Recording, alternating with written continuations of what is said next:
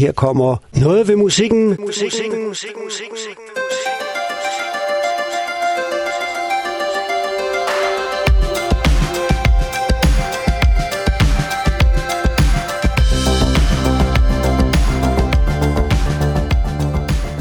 I denne uges udsendelse kigger vi tilbage på to milepæle i popmusikken fra henholdsvis Cocktail Twins og Kate Bush. Vi ser nærmere på, hvad der gør The Weeknd til verdens måske for tidens største kunstner. Og så prøver vi at spå om, hvordan 2021 bliver ved hjælp af pophits fra 1988. Ja, det er en kold tid, som vi lever i. Sang en af mine store musikalske helte, Kim Larsen, tilbage i 1976 på støttepladen til Christiania. Og med temperaturer på langt under 0, hvad er så mere på sin plads, end at sætte sig godt tilbage, skrue op for varmen og endnu en gang falde pladask for både fortidens, nutidens og måske også fremtidens populærmusik.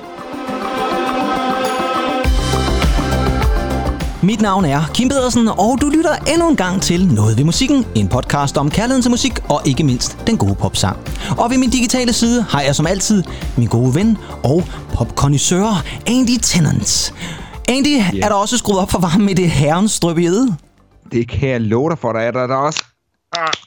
Ah, der bliver også lige åbnet en lille øl her. Ej, hvor fantastisk. Ja, var det øh, i endnu en gang fremragende at se dig, ven. Jamen, i lige måde, og øh, jeg vil sige det sådan, at det er godt nok blevet koldt udenfor, var? Jamen, det er, det er uhyggeligt. Jeg har jo... Øh, jeg sidder her med min øh, islandske sweater. Ja, du har iklædt dig en meget varm en der, ja. Ja, den er skøn, og jeg købte den faktisk på Island i, eller i Island i 2011. Ja, det er det skøn, der, skøn sweater. Det der med på og i, det har jeg aldrig helt kunne finde ud af, men, men jeg bliver altid rettet, hvis jeg siger det forkert. Jamen, det er jo fordi, det er et land, men det er en ø. Ja. Et land, og så hedder det I. Så hedder det I, ja, lige præcis. Ja. Men, øh, men for at blive lidt ved det kolde, sidste gang, der snakkede vi jo om, at I havde været ude og kælke, kan jeg huske dig, og, og dine børn og så videre. Det er jo Ja, hyggeligt. og Morten Harket blev vist også... Øh, Og Morten. Harket blev også nævnt, her kan jeg huske.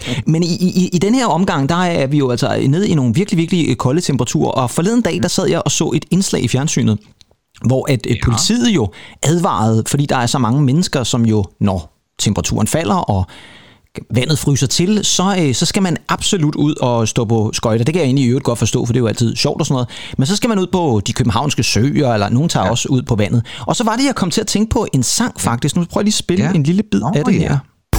Jeg vil råde folk til i hvert fald at blive inde, indtil de hører nærmere Lost. Det, der kan være tegnet på, at der kan være noget helt rimelig galt, det er, når vi ser de her våde våger derude, og når man ser et snedække, så begynder det at blive farligt. Det er faktisk livsfarligt.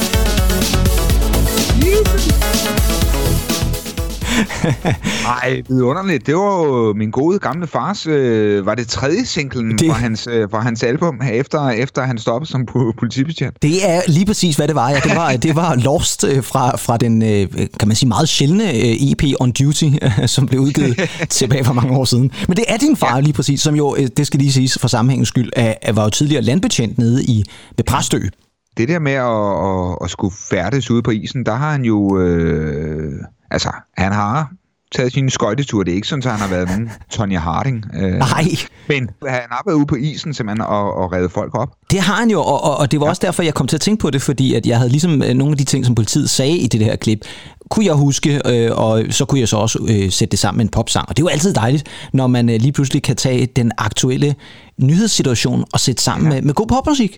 Præcis, altså øh, jeg, jeg kommer jo til, til, nogle gange til at tænke på øh, den gode Lightning Seeds video. Hvad var det nu, den hed? Øh, han står i sin skøjtehal. Ja, men, ja, jeg ved godt, hvad det er for en. Åh, hvad pokker hedder den? Det var, den var fra 95, tror jeg. Ja, sådan noget lignende. Vi nævnte jo faktisk Lightning Seed sidste gang, uh, Ian Brody, i forbindelse med, at han var spillet band med uh, Holly Johnson fra Frankie Goes to Hollywood. Men det rigtige Lightning Seeds er jo også sådan en rigtig klassisk 90'er band.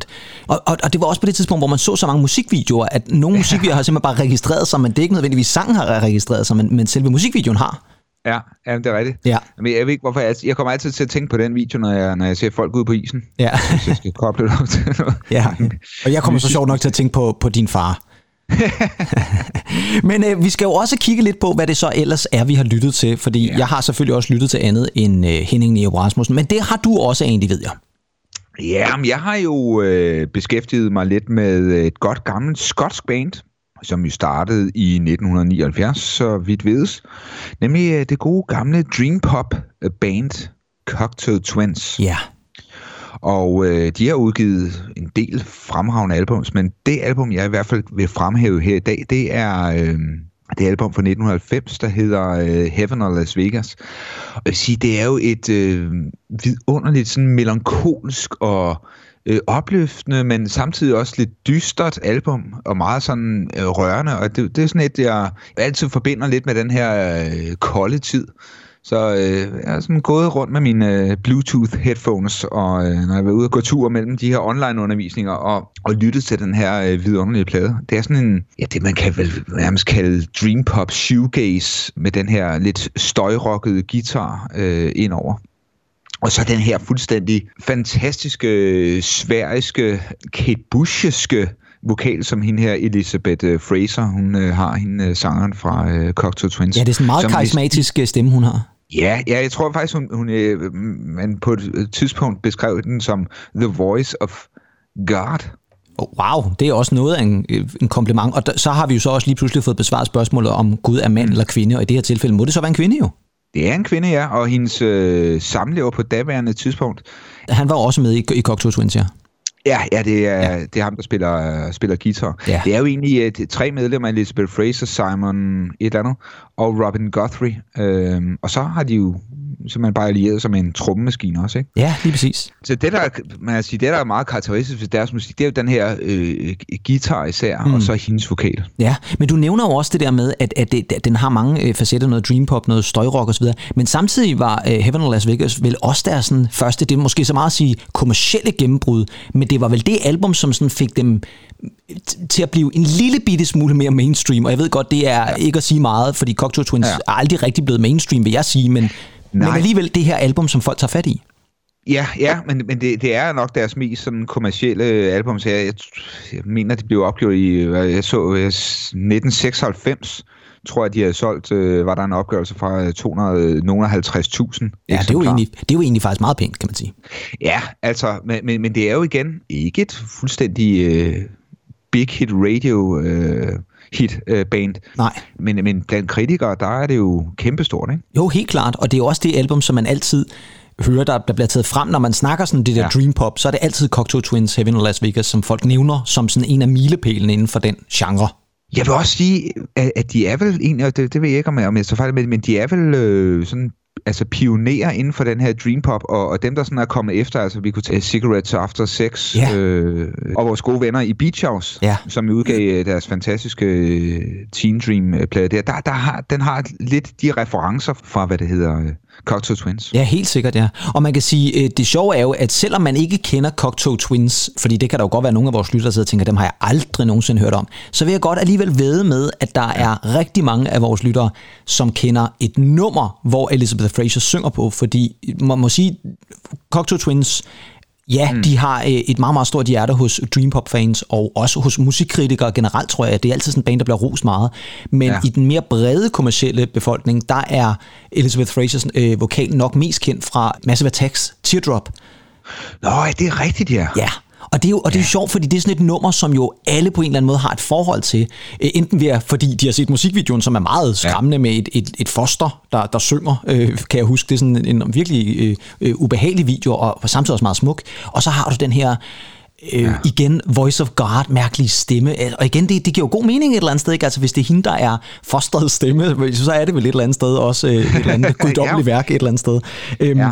der, der er et eller andet, der afspejler sådan det skotske landskab ja. øh, i deres musik. Helt sikkert. Altså man, man, man kan se, man, man står ligesom øh, oppe ved Dalvini destilleriet i skotske Holland, og så hører man den her fantastiske storladende øh, musik. Masser af rumklang, masser af feedback på gitaren, og, og så de her falsetstemmer, som simpelthen ja. bare er vidunderlige. Helt sikkert. Nå. Skal vi ikke lige lytte til et lille øh, sample fra albumet egentlig? Øh, jeg tænker... Lad os tage øh, det første nummer, faktisk øh, åbningsnummeret på øh, Heaven or Las Vegas, det der hedder Cherry Colored Funk.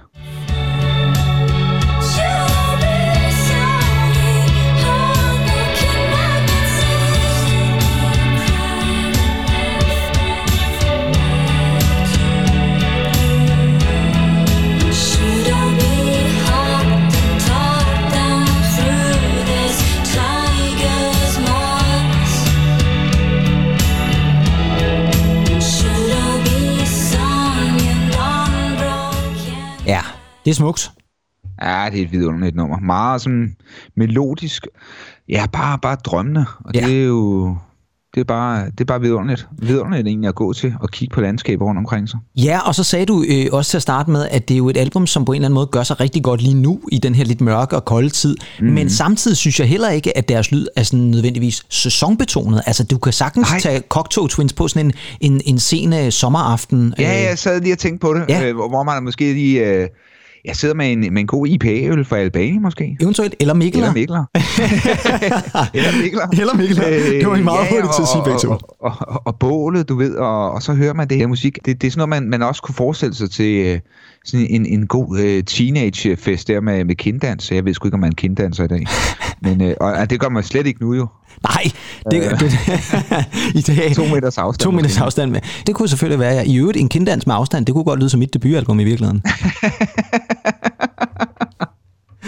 Hvis jeg nogensinde kommer, kommer til at lave det. Men egentlig, nu har du snakket om, om det der med, med teenager og kinddans ja. og så videre. Og så tænker jeg også, at vi skal have en pangdang, fordi du nævnte noget andet, du har lyttet til. Og der kunne jeg simpelthen ikke lade være med sådan at blive en lille smule forundret. Fordi det, du har lyttet til, er jo en gammel MGP, altså børnenes Melodi Grand Prix stjerne. Jeg mener, var det tilbage i hvad? 2002 eller sådan noget lignende, at han var med? 2002, tre stykker. Ja, jeg tror faktisk, det var ret. 2002. Ja, og det skal altså lige siges, det var ikke ham, der vandt for Kickflipper det år, øh, Ras vi ude i. Det var ham, der blev nummer Åh, to, så vidt jeg husker. Morten ja. Philipsen. Ja, den gode gamle Morten Philipsen. Ja. Et uhyggeligt, øh, ikke et uhyggeligt menneske, men et uhyggeligt sympatisk øh, menneske. Sådan øh, fremstår han i hvert fald på mig. Ja, Jamen altså, Morten Philipsen, han er jo en vidunderlig øh, esbjergenser, Mhm. som øh, har en fuldstændig fremragende sans for den gode melodi. ja. Jeg kan simpelthen ikke skamrose det menneske nok. Jeg synes, øh, han er vidunderlig til at, øh, at få den her gode øh, popsang frem. Og, og nogle gange så, er- så er det sgu lidt ærgerligt, at, at radioen ligesom ikke har, har anerkendt det, han har, har lavet nok, for at sige. Han har udgivet øh, rimelig meget øh, efterhånden med hans øh, soloprojekt, som hedder En Memoirs. Ja, det er sådan meget øh, et eller andet sted poetisk navn, tænker jeg. En memoir. Ja, jeg, jeg synes egentlig også, at igen det der med, med banenavn, pa- passer de til musikken, og jeg synes faktisk øh, lige præcis en, en memoir, her, det, det passer rigtig godt til hans musik. Hvad er det for en genre, vi er ude i? Det kan du måske lige få sagt. Jamen altså, vi er ude i den gode øh, pop, øh, og vi snakkede jo i piloten, eller var det første afsnit, hvad, hvad er pop egentlig? Pop kan jo være mange ting. Ja, det kan altså, øh, vi, vi er sådan lidt over i, i noget sådan Miami Dream øh, 80'er pop på noget af det, og så bliver også måske sådan lidt lidt Coldplay-sk pop-univers på, på nogle områder. Ja, Jeg hørte det egentlig for, for nogle år siden, og så var det, da jeg var ude og gå igen, så fik jeg lige stus over det på, på mobilen, og så tænkte jeg, ej, det, det er fremragende nummer der. Øh, jeg skrev faktisk til, til den gode øh, Morten Philipsen for nogle år siden, at jeg måtte holde ind til siden, øh, for, for ligesom, for jeg lige har hørt, det er øh, dejlige omkvæd i, i radioen. ja.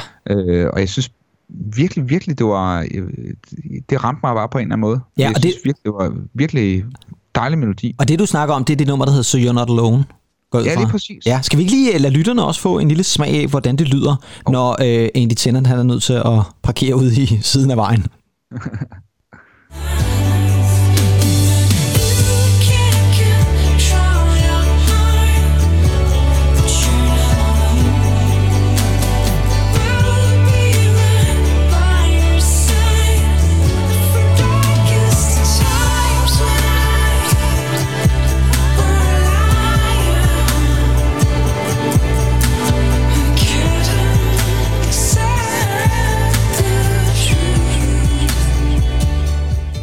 vil godt komme med en indrømmelse, og det er, at jeg havde faktisk ja. aldrig nogensinde hørt det her nummer, øh, før du ligesom øh, fortalte mig, øh, at det var noget, du havde lyttet til.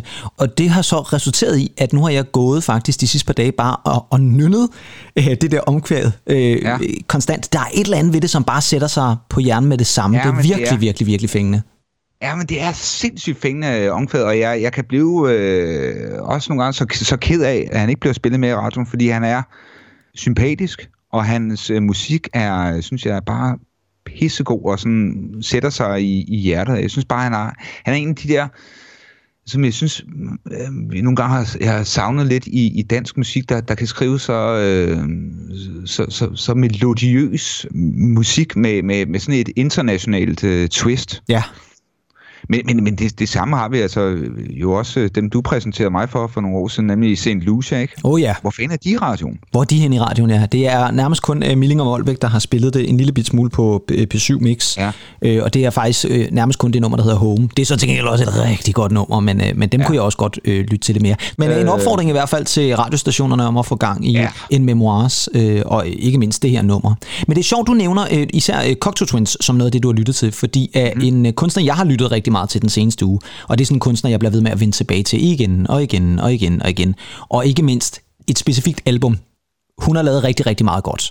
Men øh, hun har også lavet et mesterværk. Øh, fordi du nævnte, Elizabeth Fraser har sådan et Kate Bushiske træk, og hvis der er en kunstner, ja. jeg holder meget af, så er det Kate Bush. Ja. Og hun er sådan en kunstner, jeg bliver ved med at vende tilbage til. Og det gjorde jeg øh, også i den her uge, og det er især det album, der hedder Hounds of Love, som hvis man ikke har lyttet til det, Jamen jeg tror, hvis man skulle lave en top 10 over de bedste album nogensinde udgivet, så er det her album helt klart på min top 10. Det ved jeg, det er, fordi det er vidderligt et mesterværk af øh, lyd. Og, og min ven, jeg havde jo egentlig hørt Kate Bush øh, musik, men, men en gang vi var, to var i Pladebæk, jeg kan sgu ikke huske, om det var noget, der spredte min næste, eller hvor fint det var, vi var henne. Nå, men der, der, der hiver du den her plade op, og så, så går du hen til mig, og så siger du, Andy. Ja. Altså sådan nærmest med, med, med bedende øjne. Med bedende øjne, ja. den her, den køber du, og hvis du ikke har råd til den, så, så køber jeg den. Ja. Jeg, siger. Nej, ja. det ved ikke, hvad der stod til. Og det er jo et vidunderligt album. Jeg elsker også det album. Ja, det er, det er fuldstændig fantastisk. Ja, og man skal måske lige sige, fordi der er nogen, der er sikkert mange, tænker jeg, som har måske et lidt øh, ømt forhold til, til, til Kate Bush, fordi de har lyttet til, til nogle af de numre, som, som hun har lavet. Altså, Wuthering Heights, som var hendes store debut, og som var mm. en altså, kæmpe, større gennembrud, kan man nærmest ikke finde, er jo et fantastisk nummer, men også et, der udfordrer lytteren. Ikke? Hun, er jo, hun har jo altid været meget intellektuel. Ikke? Her det er et nummer, som er baseret på bogen Wuthering Heights, som hun nærmest genfortæller i sang. Og så det her omkød, hvor hun jo øh, rent vokalmæssigt øh, har en spændvidde, som jeg ved ikke hvad. Men det er der også nogen, der bliver tændt af på, fordi de synes, at ah, det er sådan lidt en skrigehals, hende der. Men jeg synes jo, at lige præcis hendes vokal, lidt ligesom Elizabeth Fraser fra øh, Cocteau Twins, jeg synes, der er noget virkelig, virkelig interessant ved den. Og så kan hun altså skrive popsange. En af de ting, som altid har fascineret mig ved Hounds of Love, er jo i virkeligheden, at det er et album, i to facetter i virkeligheden. Du har side A, ja, vi snakker vinyl her, kære venner. Øh, side A, som er Hounds of Love albummet i virkeligheden. Der har du øh, singlerne, du har popsinglerne. I øvrigt nogle numre, som faktisk rent rytmemæssigt minder meget om hinanden. Det skal lige sige, mm. at en af grundene til, at jeg faktisk begyndte at høre Kate Bush igen, det var fordi, vi havde snakket om Gated Reverb og Phil Collins sidste uge. Fordi det bliver nemlig også brugt på det her album på, på nogle af numrene. Men det er simpelthen tid af, det er Running Up That Hill, og det er øh, Hounds of Love og Big Sky og sådan nogle ting, som alle sammen har lidt sådan et, et det samme drum pattern faktisk igennem alle numre. De minder meget om hinanden i virkeligheden. Ja, ja. Øhm, og så har du side 2, som er et, et, kan man sige, et langt stykke musik, der hedder The Ninth Wave, selvfølgelig delt op i forskellige numre, ja, ja. men som er et af de mest mærkelige og udfordrende og avantgarde stykker musik, øh, hvor du kommer helt spektret igennem. Det er alt fra ballader til mærkelige øh, lyde og samples af, af folk, der snakker, øh, til en, en sang, der handler om øh, heksebrænderier, oh, til, ja. til en, en sang, øh, hvor vi nærmest er i irsk folkemusik-mode. Og så har vi altså den her øh, historie om en kvinde, som er øh, ligger i vandet. Hun er øh, faldet af en båd, eller den ligger i hvert fald ude i vandet og er, er tabt, og langsomt synker i druknedøden. Og til sidst i albumet er man stadigvæk ikke helt klar over, jamen, øh, overlever hun, og overlever hun ikke? Den leger lidt med den der åbne slutning, men, men man bliver taget med, med på den der rejse, som bare er helt fantastisk, rent sonisk, en af vores store helte, øh, Michael Møller fra Mor Caprice, ja. har det også som et af sine favoritalbums, og siger også, at det er sådan et album, han kan blive ved med at vende tilbage til, og som i øvrigt har inspireret ham rigtig, rigtig meget. I øvrigt havde vi jo en snak med Michael Møller, øh, da de havde deres koncert i Vega Nogen i september. Nogen havde. Ja, jeg var for Starstruck. Du var for Starstruck, og jeg røg over min... Autograf? Ja, du fik hans autograf, det kan man så sige. hvor, jeg, hvor jeg trods alt gik mere øh, til, til bidet og spurgte, om der ikke snart kom noget mere Mor Caprice, hvilket han jo bekræftede, og der kommer også en jule-EP lidt senere på året. Men det er bare et fantastisk album, og hvis ikke man har lyttet til det, så øh, gør jeg selv den tjeneste sætte det på, og gerne lyt fra track 1 til det sidste track øh, på albummet, så man ligesom får hele den her rejse med. Øh, jeg har valgt at tage en lille bid af et af de numre på side A, nemlig det nummer, der hedder Cloudbusting. Oh ja. Yeah.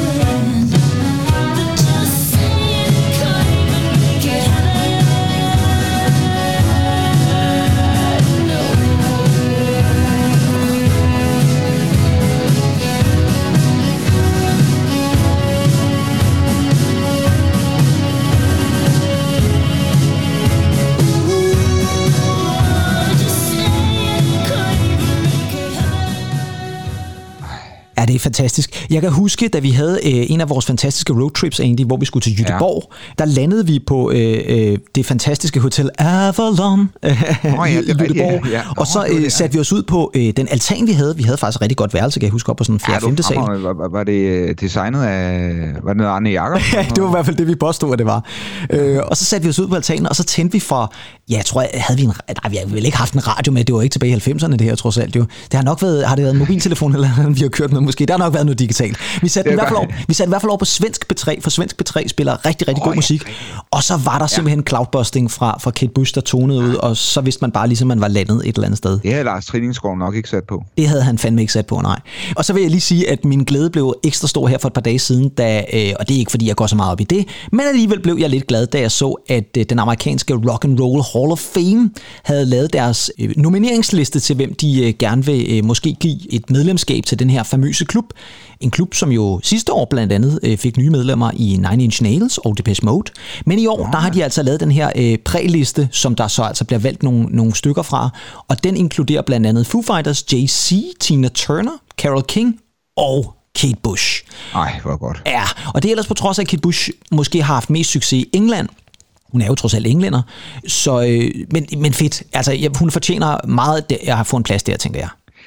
Jeg vil altså også lige sige, når man nu hører øh, cloudposting her, læg mærke til, hvor øh, velproduceret det er. Vi er i Helt sikkert. 80'erne, og hør de her staccato stryger, hør den her vidunderlige lille trum.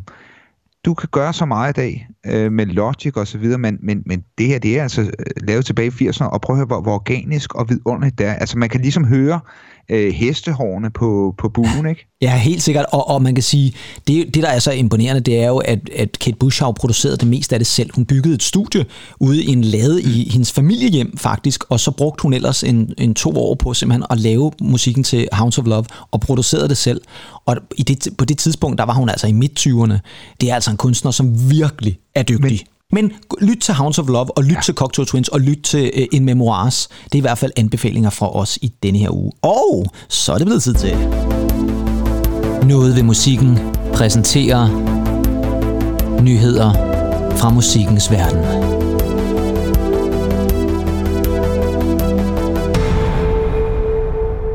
Ja, fordi så er det nemlig blevet tid til at kigge lidt på nyhederne, og jeg har fundet lidt forskelligt. Vi starter i den sportslige ende, og nu ved jeg jo godt, at du jo ikke er sportsmenneske ah, i den forstand, Andy. Du kan Nej, meget godt kan lide... skak. Du, du kan godt lide skak, øh, og jeg ved jo også, at du også løber og sådan nogle ting og sager, så det er jo ikke, fordi du Ja, ja, dyrker sport.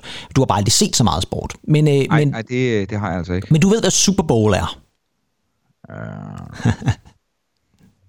Fortsæt. Ja, det er jo øh, den øh, store amerikanske finale, øh, når det gælder amerikansk fodbold. Der er nogen, der vil sige, det er verdensmesterskaberne i amerikansk fodbold, hvilket jo et eller andet sted giver meget god mening, når amerikansk fodbold jo især bliver spillet i USA og er meget populært derovre. Men øh, det er en ting, der jo faktisk er begyndt at overgå den sportslige del af Super Bowl-finalen, det er jo deres halftime show, altså den her musikalske underholdning, der kommer i pausen mellem de to øh, halvleje. Der er fire quarters i en kamp. Nu skal der gå sport i den, men det er altså to i hver halvleg. Nu går der næsten øh, Edith Baumann ind igen. Hvad hedder det så? Øhm, men faktumet er, at øh, Super Bowl-finalen jo altid har nogle meget, meget store musikalske stjerner, der spiller i halftime showet. Det har været Prince, det har været mm. Madonna, der har været Michael Jackson et år. Øh, Janet Jackson, søsteren, øh, var, ja. var Stor skandale. Stor skandale, var jo faktisk skyld i, at, øh, at rigtig mange tv-shows bliver sendt med 5 sekunders forskydning fra, fra det bliver sendt live på grund af den her Nipplegate, som der var tilbage i startnullerne. Jeg kan faktisk ikke huske præcis, hvornår det var, men det var det omkring. Men i år, der var det en kanadisk kunstner, der skulle stå for det hele. Og det var altså uden gæster på på scenen eller noget som helst. Det var faktisk bare ham. Og det er jo ham, der hedder The Weeknd. Og han har jo, må man sige, øh, taget verden med storm her de sidste par år med, med hans øh, sådan R&B popmusik. Men jeg vil jo også sige, at han har jo faktisk... Det kan godt være, at han er startet inden for, for R&B-genren, men jeg synes, han har bevæget sig mere over i sådan en klassisk pop-genre. Men egentlig, hvad er dit øh, forhold til øh, The Weeknd?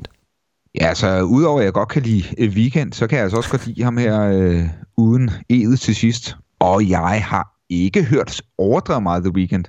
Men jeg, jeg, jeg synes det var et ret fedt nummer, det han udgav øh, for en, nogle år siden. Var det i 1916? 16 stykker? Det var vist 16, jeg tror jeg. Ja, det der hed øh, Starboy med øh, featuring øh, Daft Punk. Ja. Synes jeg var et super fedt nummer. Det, det lytter jeg ret meget til. Jeg synes, det er mega fedt produceret. Jeg godt lide de her filtre, der ligger ind over. Ja, ja.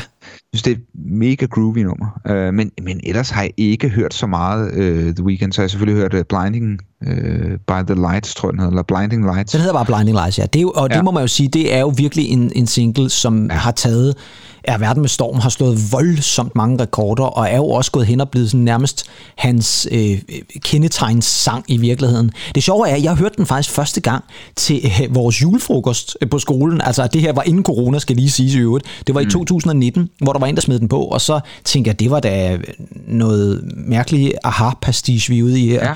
Men, men, men jeg må jo alle indrømme, at der, der er jo noget i den. Han har jo de her 80'er-referencer på plads. Og øh, nu kommer forbindelsen så til det, vi snakkede om tidligere, fordi Ja. The Weeknd har jo faktisk udtalt, at noget af det musik, han er meget inspireret af, og som han er vokset op med, og som han ser som, som noget, han virkelig holder meget af, det er blandt andet Susie and the Banshees, og som en sanden Cocteau Twins. Cocteau Twins, som han faktisk har været inde og, og sample øh, på, på flere af sine øh, ældre plader. Og det er jo ikke, sjovt. Ja, det er lidt underligt, og og det er ellers ikke nødvendigvis noget, man kan høre. Jeg synes ikke nødvendigvis, man kan høre så meget Cocteau Twins i hans musik. Og så alligevel er der jo nogle af de her dream pop synthflader, som mm. på en eller anden måde, man måske alligevel godt kan fornemme. Mm-hmm. Og det er jo fedt et eller andet sted, at, at et band som Cocteau Twins, som altså er et alternativ og bestemt ikke mainstream, alligevel kan ende med at inspirere en kunstner, som altså på nuværende tidspunkt i dag vel egentlig er verdens mest populære kunstner. Det tror jeg godt øh, sige allerede nu. Og jeg vil altså også sige det sådan, at når man lytter til nummeret, så kan man i hvert fald også godt høre, at selvom det er en af de mest indflydelsesrige sange, der er kommet ud øh, i, i de sidste mange år, så har den i hvert fald ja. også sine referencer på plads.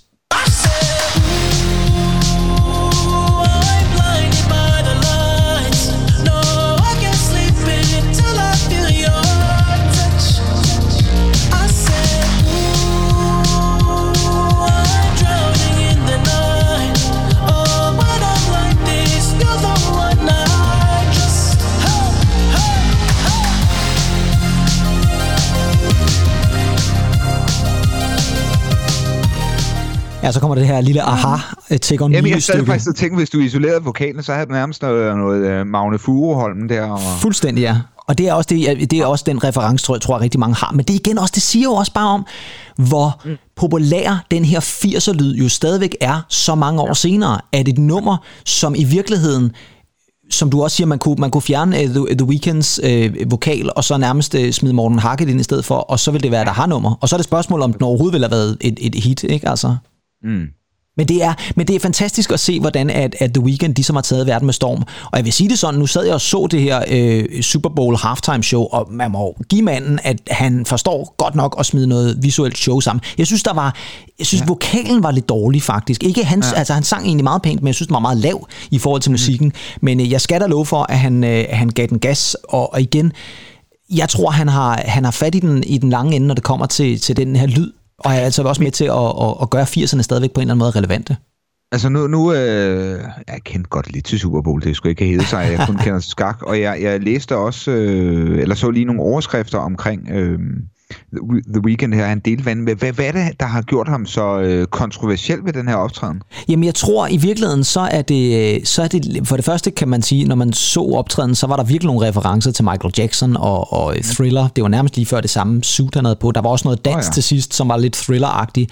Men så er det også noget med, og nu, nu kommer jeg ud i noget, som jeg faktisk ikke er helt helt øh, spids i, men det er noget med, at han virkelig har kreeret en persona til, til mange af singlerne fra det album, som han udgav øh, sidste år, som jo er det, han i virkeligheden har, har øh, virkelig øh, fået det måske ekstra store gennembrud med øh, After Hours. Han var kendt også før, men After Hours albumet er ligesom det, der har sat ham 100% på landkortet.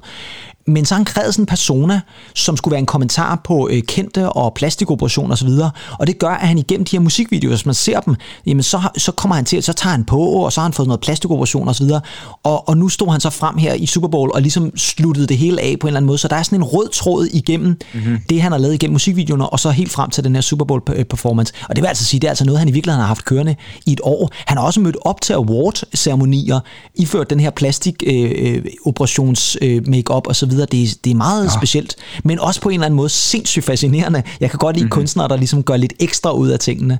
Øh, ja, lidt, bestemt. lidt, lidt, lidt ligesom med Lady Gaga og kødkjolen. Der er et eller andet, som Ah, jeg bare synes er er sjovt et eller andet sted. En anden sang, som jeg også lige er nødt til at spille en lille smule af øh, fra, fra The Weeknd, det er øh, hans nyeste single, som også mm. er et meget, meget stort hit i øjeblikket. Det er det, der hedder Save Your Tears.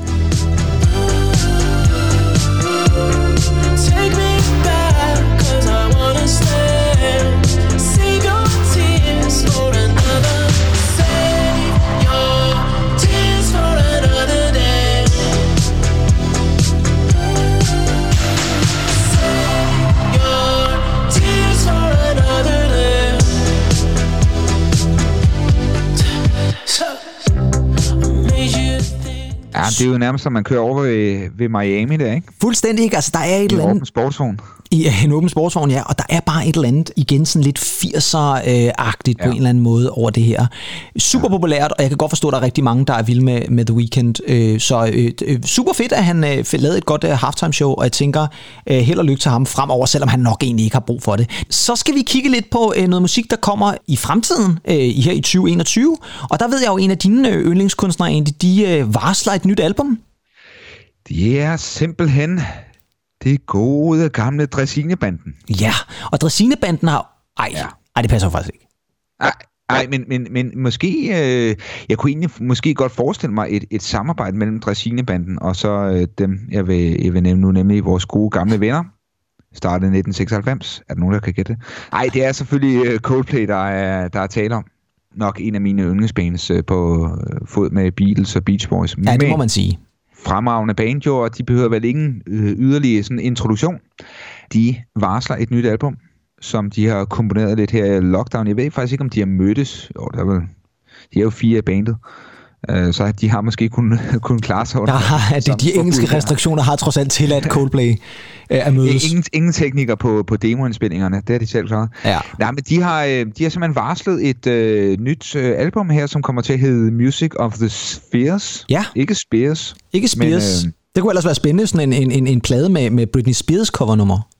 Ja, men det, det har de vist. Jeg tror nok, hun har været øh, tænkt på i forhold til nogle, nogle af de gamle sange, hun skulle med, med som øh, noget gæstevokal. Ja, ja de, fik jo sådan de fik Rihanna med på et nummer, så Britney Spears er kunne rigtigt, ja. på, på sin vis godt have passet ind. Det kunne faktisk egentlig godt være, men jeg, jeg tænker, at det bliver... Øh, vi er ude i noget astronomi, og vi er ude i noget Johannes Kepler, og øh, jeg skal give jer. Ja, Jeg ved ikke, øh, men, øh, men, men det lyder meget, meget spændende. Der er ikke øh, nogen forlyden om, hvornår øh, albummet øh, udkommer.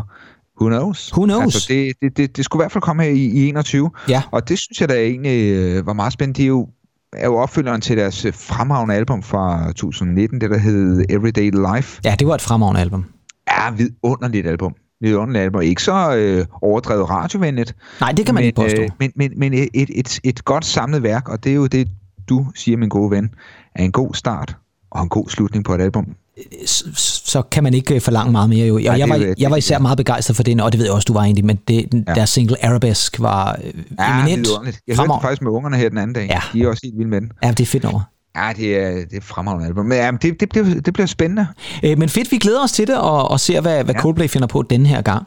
Så var der en nyhed, jeg faldt over, som, som igen også, jeg tænkte sådan, det var alligevel også noget. Og det er, at Discogs, som er den her øh, store øh, hjemmeside eller netside, ja. hvor man, øh, det er jo både en musikdatabase, så man kan slå nærmest alt musik op øh, og se, øh, hvilke forskellige udgaver der findes osv. Og så er det jo også en øh, markedsplads, du kan nemlig sælge og købe musik. De øh, rapporterede deres nu dyrest solgte plade nogensinde. 41.000 dollars blev den nemlig solgt for. Det er godt og vel 250.000 danske kroner. Det er immervæk en chat. Og det, der er mest underligt ved den her historie, det er, at det er en kunstner, oh ja. som stort set ingen mennesker ved, hvem er. Det er en producer fra London, som laver sådan noget elektronisk musik med navnet Scaramanga Silk. Det er efter sine altså en øh, 12-inch med titlen Choose Your Weapon, og øh, der er kun blevet lavet 20 kopier osv., og det er jo i sig selv er jo altid fascinerende, men, men at det er lige præcis, at den, der nu er gået hen og blevet den dyrest solgte plade på Discogs nogensinde, det har overrasket selv uh, Scaramanga Silk, øh, og det skal jo siges, at, at nummeret, kan, man, kan Det ikke, meget, man kan slet ikke finde det fængende navn. digitalt. Det er et fremragende navn faktisk, og jeg tænker også Scaramanga Silk, det, der er til, det lyder som James Bond-skurk, men der var vist også en, der hed Scaramanga der i, tilbage i, i en af de gamle film. Men, men igen, det, det er underligt, at et nummer, som ikke engang kan fås digitalt, og som så igen sandsynligvis meget, meget få mennesker har lyttet til, at det er et nummer, som jo, altså, eller en plade, som simpelthen sælger for så mange penge. Det, øh, det er jo næsten ikke til at fatte. Andy, hvad er det, hvad er det meste, du nogensinde har givet for en vinylplade? Uh, Kan du huske det? det? må være det må være min Superheroes plade Iglo, Ja. som jeg gav øh, 500 gode danske kroner for. 500 gode danske kroner. Det er jo også en, det er da også en chat, vil jeg sige. Ja, det var det da. Det er det, det skal Altså, man da ikke kæmpe sig af. Øh, og jeg har jo tit overvejet, om jeg skulle købe mon- monsterpladen der til en Det ved jeg. 1200 kroner. Ja, det, og, det, og man kan sige, det, R.E.M.. det kan være, at den kommer lige pludselig. Ja, lige præcis R.E.M. Så, så hvis man øh, har lyst til at, at gå på jagt øh, efter øh, eventuelt dyre plader, så er det altså bare at gå ind på Discogs, og så prøve at se, om man kan finde, hvad der kan blive den næste Scaramanga Silk. Og så øh, fandt jeg en, en sjov lille artikel, som handler om noget med, hvordan 2021 vil blive defineret. Og ah, den måde, det skal forstås på, det er, at der er nogen, der har fundet ud af, at hvis man tager den sang, som var nummer et på den engelske single hit liste, da man fyldte syv år, så skulle det være det nummer, som på en eller anden måde summer op, hvordan 2021 vil blive for en personligt. Og den kunne jeg jo selvfølgelig ikke stå for, for det har noget med hitlister at gøre, det har noget med fremtidsforudsigelser, det synes jeg simpelthen var så interessant. Mm-hmm. Og så begyndte jeg også at tænke på, jamen syv år, så er vi i 88. Så nu har jeg faktisk øh, været inde og grave lidt egentlig, så nu har jeg fundet ja. De numre, som på en eller anden måde så skal kendetegne vores 2021. Tænker du ikke, du lige har lyst til at høre det? Hvad det er, Jo. hvad de, hvordan de 2021 bliver? 100 procent. Yes. Lad os høre. Lad os gøre det. Så egentlig, øh, de 2021, hvis det skal defineres ud fra en sang, det bliver det her, som altså lå nummer 1 i oktober 1988, da Andy Tennant fyldte syv år.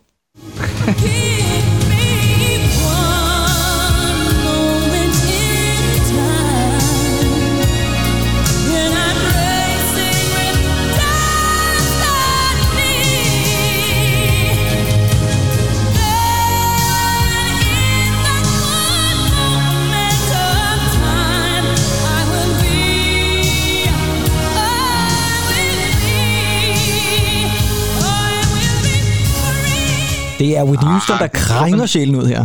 Whitney Houston. One Moment in Time, øh, som øh, var hendes store nummer et hit fra 1988. Og i øvrigt, øh, det olympiske tema det år, det var lavet til Olympiaden i Seoul øh, i 88. Der er jo OL igen i år. Det kan vide, om det har noget med det at gøre, at det siger noget om... Måske skal du deltage i OL. Er det en opfordring, tror du? Ja, det kunne godt være, at jeg skulle være... Øh... Skak, Ja. ja. skak på programmet. det, jamen, det ved jeg sgu ikke engang, om den gode Magnus Carlsen han er med. Nej. Ellers så laver jeg en stand-in, tænker jeg. Ja, det kan du gøre, ja. Men uh, en, One Moment in Time, måske? Det siger, skulle altså efter sine sige noget Ja. om de 2021? Jeg har sgu altid godt kunne lide Whitney Houston. Det skal ikke være nogen hemmelighed. Nej. Jeg synes, øh, da jeg så så mit eget nummer, at det nummer, som var nummer Nej. et, øh, der i slutningen af august 1988, da den lille Kim Pedersen, han fyldte syv år, der kunne jeg så ikke, der kunne jeg ikke lade være med sådan at grine lidt, fordi jeg tænker, ja, det må der alligevel være noget om.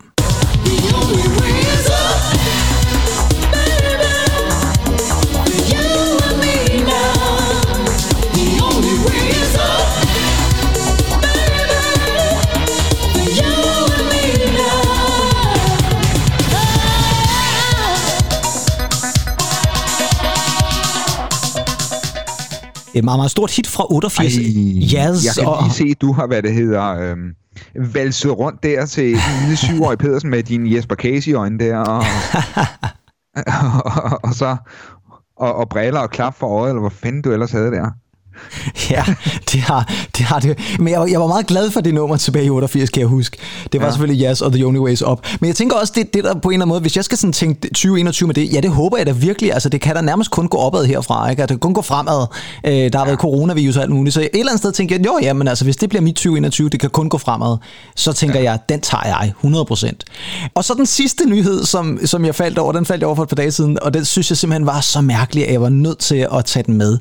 Og det er en nyhed om, at der er en mand, en græker, som øh, nu bor i USA, som har lavet sin døde onkels skelet om til en guitar.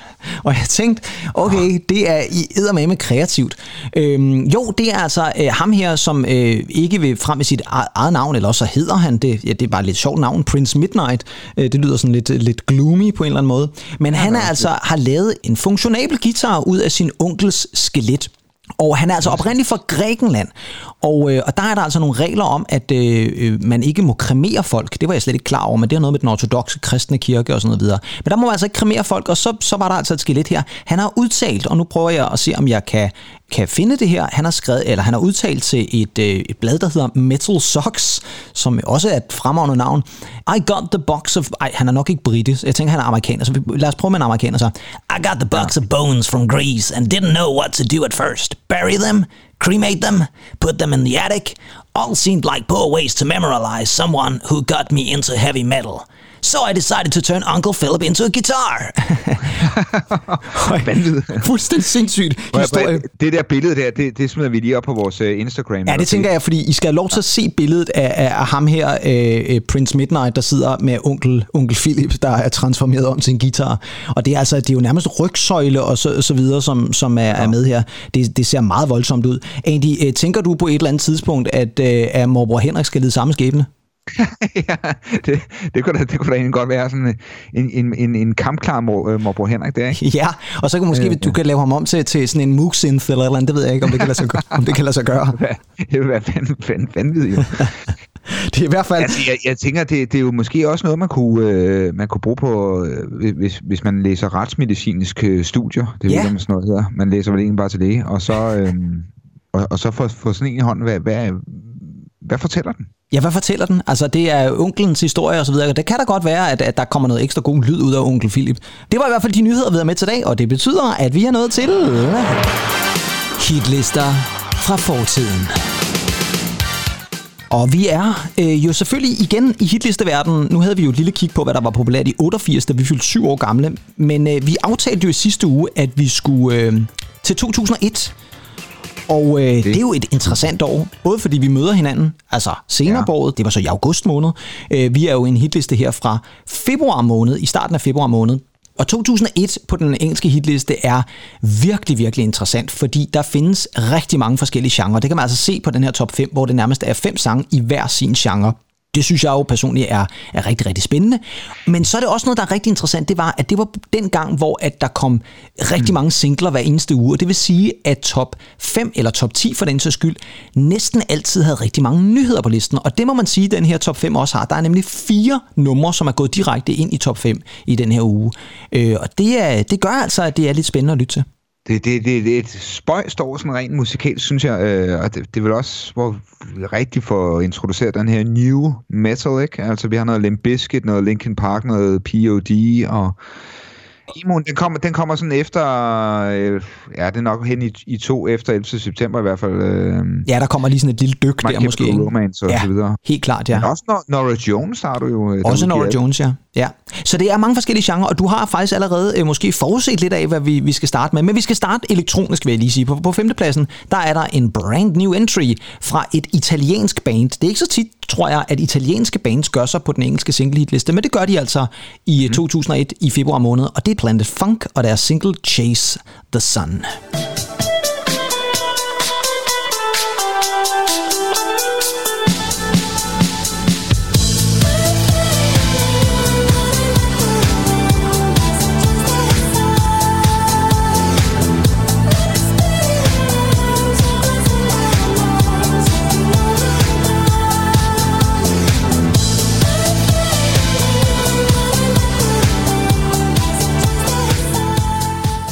Italienske Planet Funk og Chase the Sun. Et nummer, som jo faktisk øh, i dag bliver spillet rigtig, rigtig meget til dart, til dart-turneringer, ved jeg. Det er nærmest blevet temaet til dart-turneringer. Jeg ved ikke hvorfor, men, øh, men det er meget populært. Men der er måske et eller andet, et eller andet pilekastende øh, over det der beat der. Det kunne man, det kunne man måske Ja, hvis man er meget hurtig, øh, så kan man selvfølgelig godt prøve, så man kan ramme det. Ja, Øh, lyden er jo ikke sådan...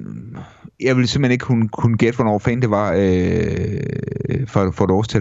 det kunne lige så godt have været et hit i år, faktisk, i Det virkeligheden. kunne sagtens være et hit i år, ikke? Ja. Sådan noget Joe Turner måske, der kunne... Nej, det ved jeg ikke, men, men i hvert fald, jo, måske. Der kunne godt have været lidt Joe Turner over det også. Øh, Men, men, men det er ret interessant, synes jeg. Øh, Nummeret øh, var deres første single. Øh, De havde andre singler også, men det her det er klart det største hit, de har haft. De eksisterer jo stadigvæk, øh, Planet Funk, og udgiver musik, men, men, men uh, Chase the Sun, ja, en, et dart-tema, øh, som, som altså det så er blevet til. På fjerdepladsen, der i starten af februar måned to, i 2001, der har vi så en af de kunstnere, som du faktisk nævnte lige før. Ja. Nummeret her, det lå nummer et ugen før, altså det var simpelthen nummer et single, og der har vi altså virkelig at gøre med en kunstner, som var meget populær der i starten af nullerne. Alright,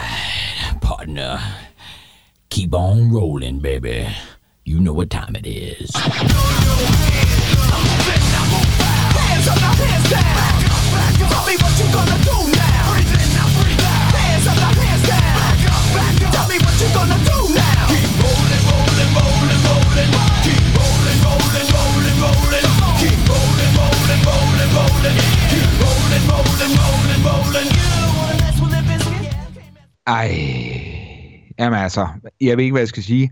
Jeg kommer til at tænke på øh, dåseøl, min forældres øh, udestue, en sommeraften i Månestrup. Jeg tror ikke, min søster har været ubetinget glad for at, at, at høre det. Det kunne jeg ikke forestille mig, nej. Det kunne jeg heller Nej, ikke det er ikke forestille mig. det der musik der. Det er bestemt ikke med det musik. Uh, Limp Bizkit var det altså som nummer 4 med Rollin', og det var altså Fred Durst i, i forgrunden der, og han var meget populær. Han var jo en af de første nærmest til at bære sådan en Donald Trump rød øh, kasket. Jeg husker ham altid som sådan en, med en rød makkerhat på, et eller andet det er inden ja. der stod makker på selvfølgelig. Ikke? Men uh, det, der var faktisk det mest øh, sindssygt ved Limp Bizkit øh, i min egen hukommelse, er, at jeg kan huske en gang, jeg var derhjemme, eller var kommet hjem fra arbejde, eller et eller andet, og så min, min kære far, han, øh, han lige pludselig ytrede ordene, jamen han havde lyttet til et rigtig godt nummer i radioen, og jeg spurgte ham, nå, det lyder da spændende, hvad var det for noget? Jamen det var nogen, der hed Limp Bizkit, øh, og jeg var meget chokeret, men øh, jo, min far, øh, jeg kan ikke lige huske, om det var det her nummer, han var glad for, men der var i hvert Det fald har nok noget... været Behind Blue Eyes, måske. Det kunne det godt have været, men det kom først Som er- senere jo trods alt jo. Ja, det Øh, nok. der var noget af det tidlige Limp Bizkit, han også synes var glimrende, så ja, det sag, siger lidt om min fars eklektiske musiksmag. Øhm, nummer tre, der øh, har vi så bevæget os nu fra elektronisk musik til sådan det her hårde, øh, hvad var det, du kaldte det, new metal, øh, og så til, Ja. over til R&B, fordi på tredjepladsen, der har vi en af de øh, kvindelige R&B-kunstnere, som fik meget stor succes der i starten af nullerne, og det er Maya og Case of the X. Sean didn't have no kids, didn't share no mutual friends. And you told me that she turned trick when y'all broke up in 96. What you gonna do when you can't say no? And I feel stop the show, boy, I really need to know. And how you gonna act, how you gonna handle that? What you gonna do when she wants you back? What you gonna do when you can't say no? And I feel stop the show, boy, I really need to know. And how you gonna act, how you gonna handle that? What you gonna do when she wants you back? There's no need to. En brand new entry som nummer 3, Maya og Case of the X. Øh, så er vi igen over i R&B-territoriet, Andy. Ja. Nu er vi, nu vi, nu vi, jeg vil sige, nu er vi klassisk 2001. Ja, det må man sige. Det er virkelig en lyd der, der er jo, fra den øh, gang. Og, og, og igen noget Max Martin, Dennis Pop øh, indover. Ja, vi i hvert fald pro- pro- producermæssigt er vi i hvert fald derovre et eller andet sted, og det er jo et faktisk ja. Ja. lidt sjovt, øh, fordi øh, da vi snakkede The Weeknd, der fik vi jo slet ikke nævnt, at Blinding Light Show også er, øh, øh, hvad hedder det så, produceret af lige præcis Mark Martin. Mm-hmm. Og det siger igen også måske bare lidt om, at, at hvis du er en god producer, jamen så kan du altså, øh, så kan du altså godt have succes over, over mange år. Men, øh, men Maja øh, kan jeg bedst huske fra øh, hendes kollaboration sammen med Christina Aguilera og et par andre, øh, Lady Marmalade til den der Moulin Rouge-film. Der var hun også en af dem, der var med der. Øh, ellers så må jeg ærlig indrømme, så er Maja, hun er en af de der R&B-kunstnere, som er gået lidt forbi mig. På anden pladsen, der finder vi nogle kunstnere, som jeg ved, du så måske har et lidt øh, mere bekendeligt forhold til, Andy. Og det er øh, nogle irske musikere, som i øh, starten af nullerne fik, øh, det er måske så meget at kalde det deres comeback, fordi de har jo aldrig rigtig været væk, men de lavede et album, som, øh, som faktisk fik dem helt tilbage på hitlisterne og øh, tilbage i øh, kritikernes, øh, kan man sige, gode gunst igen, og det er selvfølgelig U2 og det nummer, der hedder Stuck in a Moment. You've got to get yourself together. You've got stuck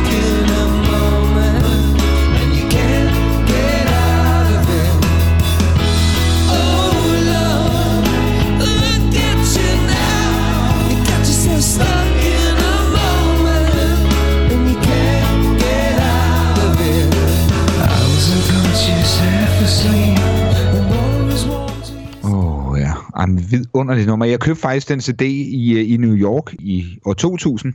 Godt nok. Og det vil jeg gerne sige undskyld til uh, The Edge og Company. Jeg købte nemlig illegalt. Jeg købte sådan en brændt U2-CD Nej! på, på, gade, på gaden i New York. Det er frygteligt. Ja, det var da forfærdeligt, så- egentlig. Ja, jamen, jeg købte det af jer, fordi altså, er der nogen, man skal støtte, så er det altså U2. De hunger i den grad efter penge og efter pladsen. Nej, selvfølgelig skal man altid øh, købe øh, kunstners musik. Jeg var ung. Jeg var... Jeg ved ikke, hvad, hvad, hvad der er gået igennem hovedet på mig. Jeg faldt bare for den CD, da jeg hørte, øh, hørte den. Let's All That You Can Leave Behind-pladen. Ja, lige præcis. den så rigtigt, da jeg kom, øh, kom til Danmark. Ja, og All That You Can Leave Behind øh, blev jo også et, et, et kæmpestort hit. Man kan jo så sige, at nu snakkede du om det der med, at du købte den illegalt. Øh, for nogle år tilbage, der ud, kan jeg huske, der var et YouTube-album, som simpelthen blev tvunget ind på samtlige øh, af iTunes-brugernes øh, musikkonto. Om de ville det eller ej, så havde de simpelthen bare at, at acceptere et YouTube-album. De fik det gratis, men, øh, men de skulle altså så simpelthen have det ind over. Det kan jeg huske, der var mange, der var meget var arg over, at de skulle, ja. Ja, de skulle påtvinges et U2-album. Men det er rigtigt, det her er et fremragende album, og det her nummer var jo selvfølgelig også et kæmpestort hit, og gik altså ind direkte på en anden plads den her uge. Men de blev overgået af en anden gruppe, øh, som også sådan var meget populære i starten nullerne. De var også et øh, band, som gik direkte ind som en ny single øh, på den uges liste, og altså helt ind som nummer et. Og det er en pigegruppe. Vi havde jo fat i øh, nogle pigegrupper her for et par uger siden, nemlig Spice Girls og All Saints. Og øh, nu skal vi have fat i en pigegruppe, som jeg vil sige det sådan, jeg har glemt dem, og så alligevel kunne jeg godt huske det her nummer. Det er det band, der hedder Atomic Kitten, og nummeret oh, Whole Again. Looking back on when we first met,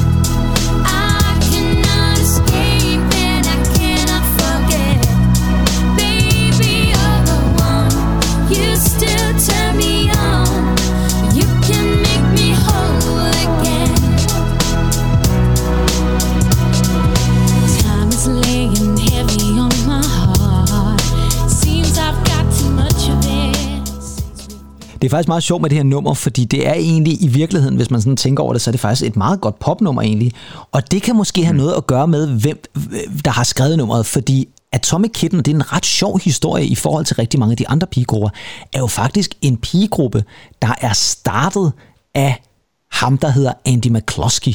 Og hvis der er nogen, der kan nikke genkendende til det navn, så er det fordi, at Andy McCloskey også var med til at danne den meget, meget, meget kendte 80'er synthgruppe OMD. Ja, det er altså dem med Enola Gay og så videre. Det er simpelthen Andy McCloskeys band, det her Atomic Kitten. Han var simpelthen med til at starte Atomic Kitten og skrev faktisk stort set alle numrene på deres første album, inklusiv det her nummer Hole Again.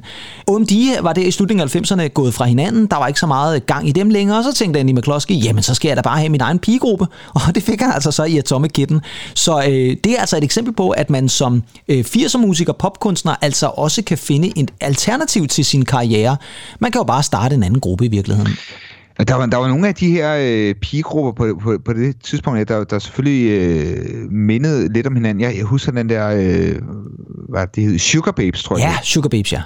Og jeg mener faktisk også, var det ikke hende fra øh, Atomic Kitten, hende den lyshårede, hende den nordmanden, eller nordkvinden, øh, Heidi, tror nok, øh, hun, hun, hun faktisk kom ind i Sugar Babes. Der var et eller andet mellem Atomic Kitten og, øh, og Sugar Babes. Det kan jeg slet ikke huske. Men altså, Jamen, på, jeg- på den anden side, jeg, det, det- der, øh, der har du altså læst flere øh, gossipblade. Du har været mere ind over OK Magazine og sådan noget, kan jeg høre, end, end jeg har været i hvert fald. Ej, ej, jeg, jeg læste egentlig meget. Ej, måske ikke så meget af OK Magazine 2001.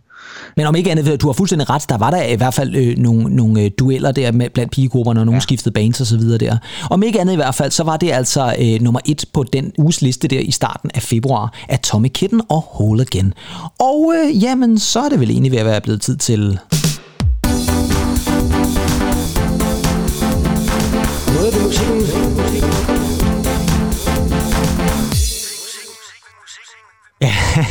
der skal komme ja. en ny jingler en gang imellem, trods alt. Jeg elsker ham. Ja, det er sgu meget godt en gang imellem at få sådan et, et skud mylde ind i, med, i blodårene der. Ja, og nu øh, mangler vi vel egentlig bare, øh, udover at sige farvel, så også at få et skud Pfizer-BioNTech ind i vores blodår. Ja, altså, øh, de er jo begyndt at, at vaccinere sig småt. Ja. Jeg læste faktisk øh, tidligere i dag, at en person, der faktisk lige er blevet øh, coronavaccineret i dag, Lisbeth Fraser. det er Neil Tennant Nej, fra Pet Shop Boys, som har postet et billede øh, inde på Pet Shop Boys hjemmeside. Øh, Er han i risikogruppen simpelthen? Det må han jo være. Ja, han, han skal udgive ny, ny musik. Ja, der skal være, det er Boris Johnson, der har valgt musikere ud, som man siger, de, de skal også kunne lave den musik de næste 10-15 år i hvert fald. Og Neil er altså åbenbart på listen, det synes jeg er meget godt. Øh, det kan jeg selvfølgelig glæde mig over.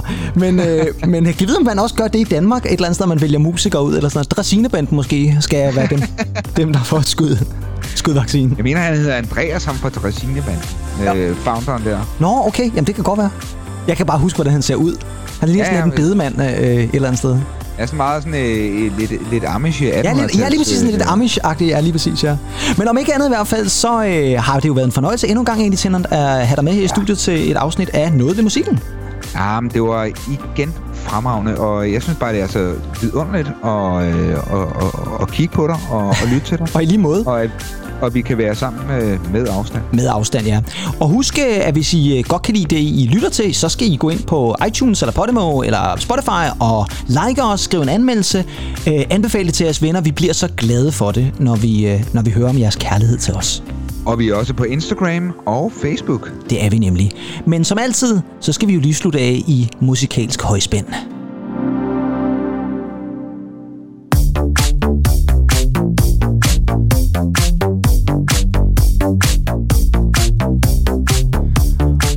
Så er der jo bare tilbage for mig, Kim Pedersen og min gode øh, pop-kompagnon, Andy Tennant. at sige tak, fordi I lyttede til endnu et afsnit af Noget ved Musikken. Vi glæder os til at høres ved igen i næste uge. Lyt til rigtig meget dejlig popmusik, og så snakkes vi ved igen om cirka en uges tid. Hej hej. Bye bye.